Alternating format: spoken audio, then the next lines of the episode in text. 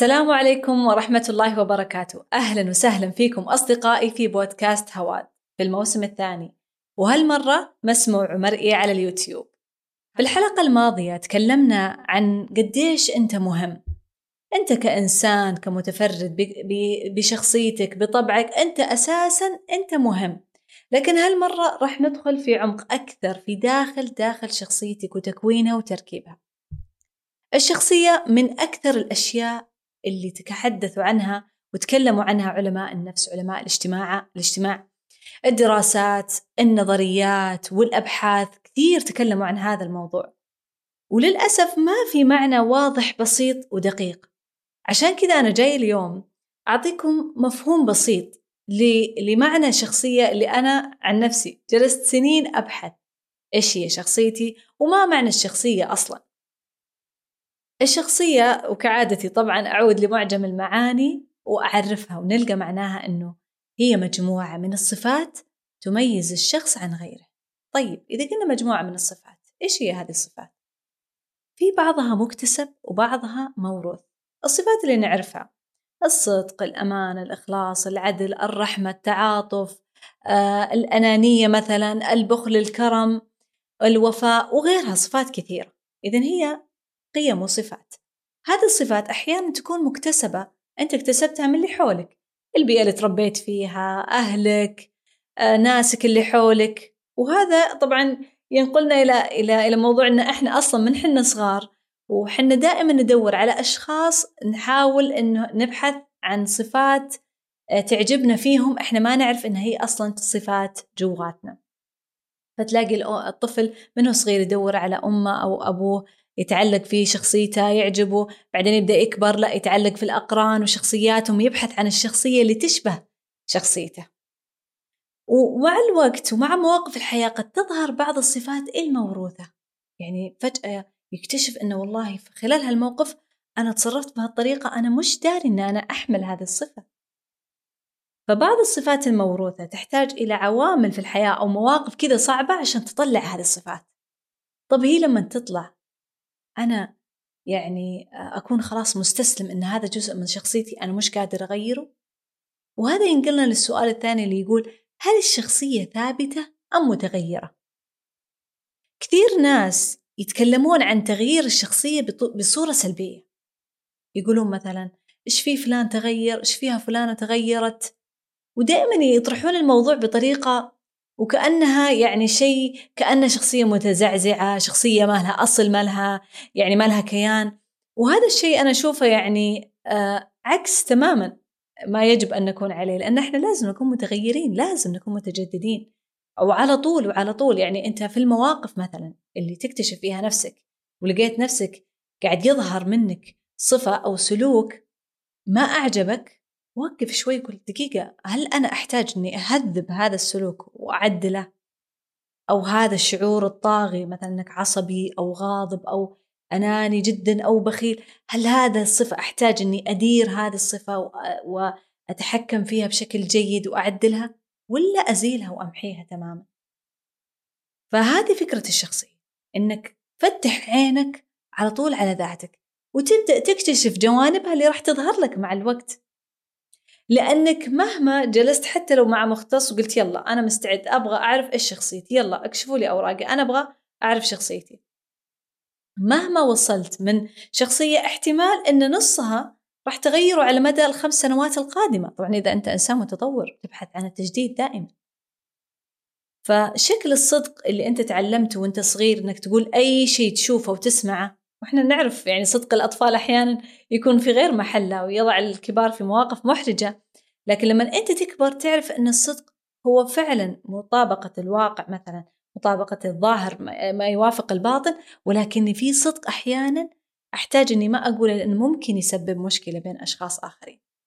وليس كل صدق هو صدق. فأنت تبدأ تبحث عن المعاني.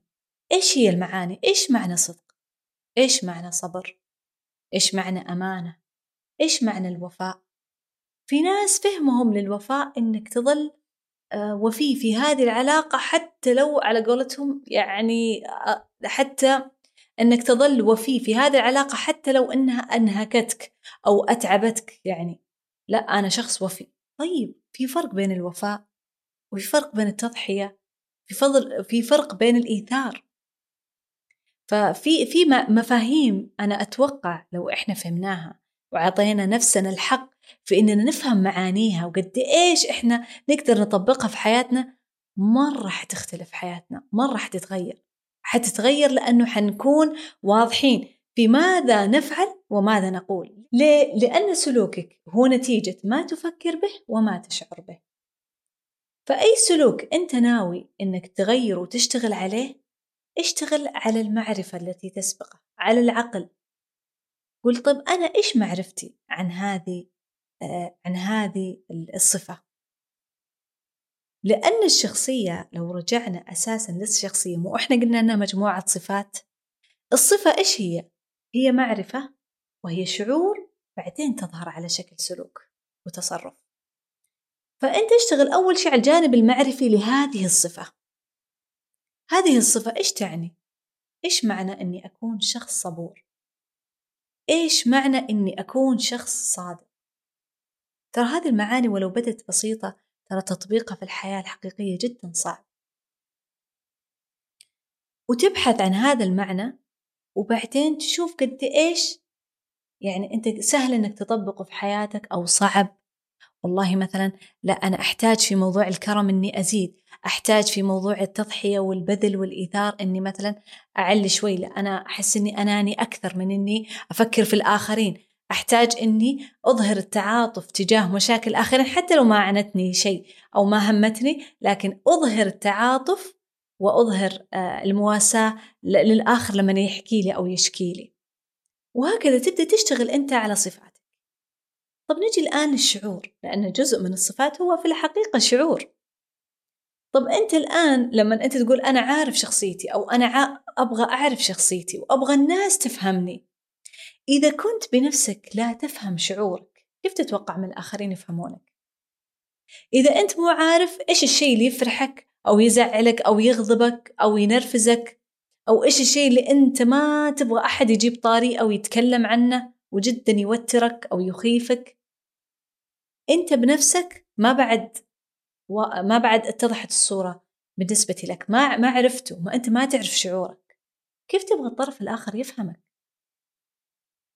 جزء من شخصيتك إنك تفهم شعورك وتعلم تماما ما يغضبك وما يفرحك وما يجعلك تشعر بالتوتر أو الربكة أو الحيرة. هذا برضو جزء من من الشيء اللي أنت لازم تعرف تعرفه في نفسك. إذا أنت ناوي فعلا تبني شخصيتك فاعلم تماما أنه بمقدورك عمل هذا الشيء حتى لو كانت صفتك أصلية ومتأصلة فيك. بإمكانك مع الوقت ومع التدريب ومع إضافة شيء وإزالة شيء وأنت مع يعني من خلال المواقف راح تكتشف إن إنك أنت قاعد تتغير.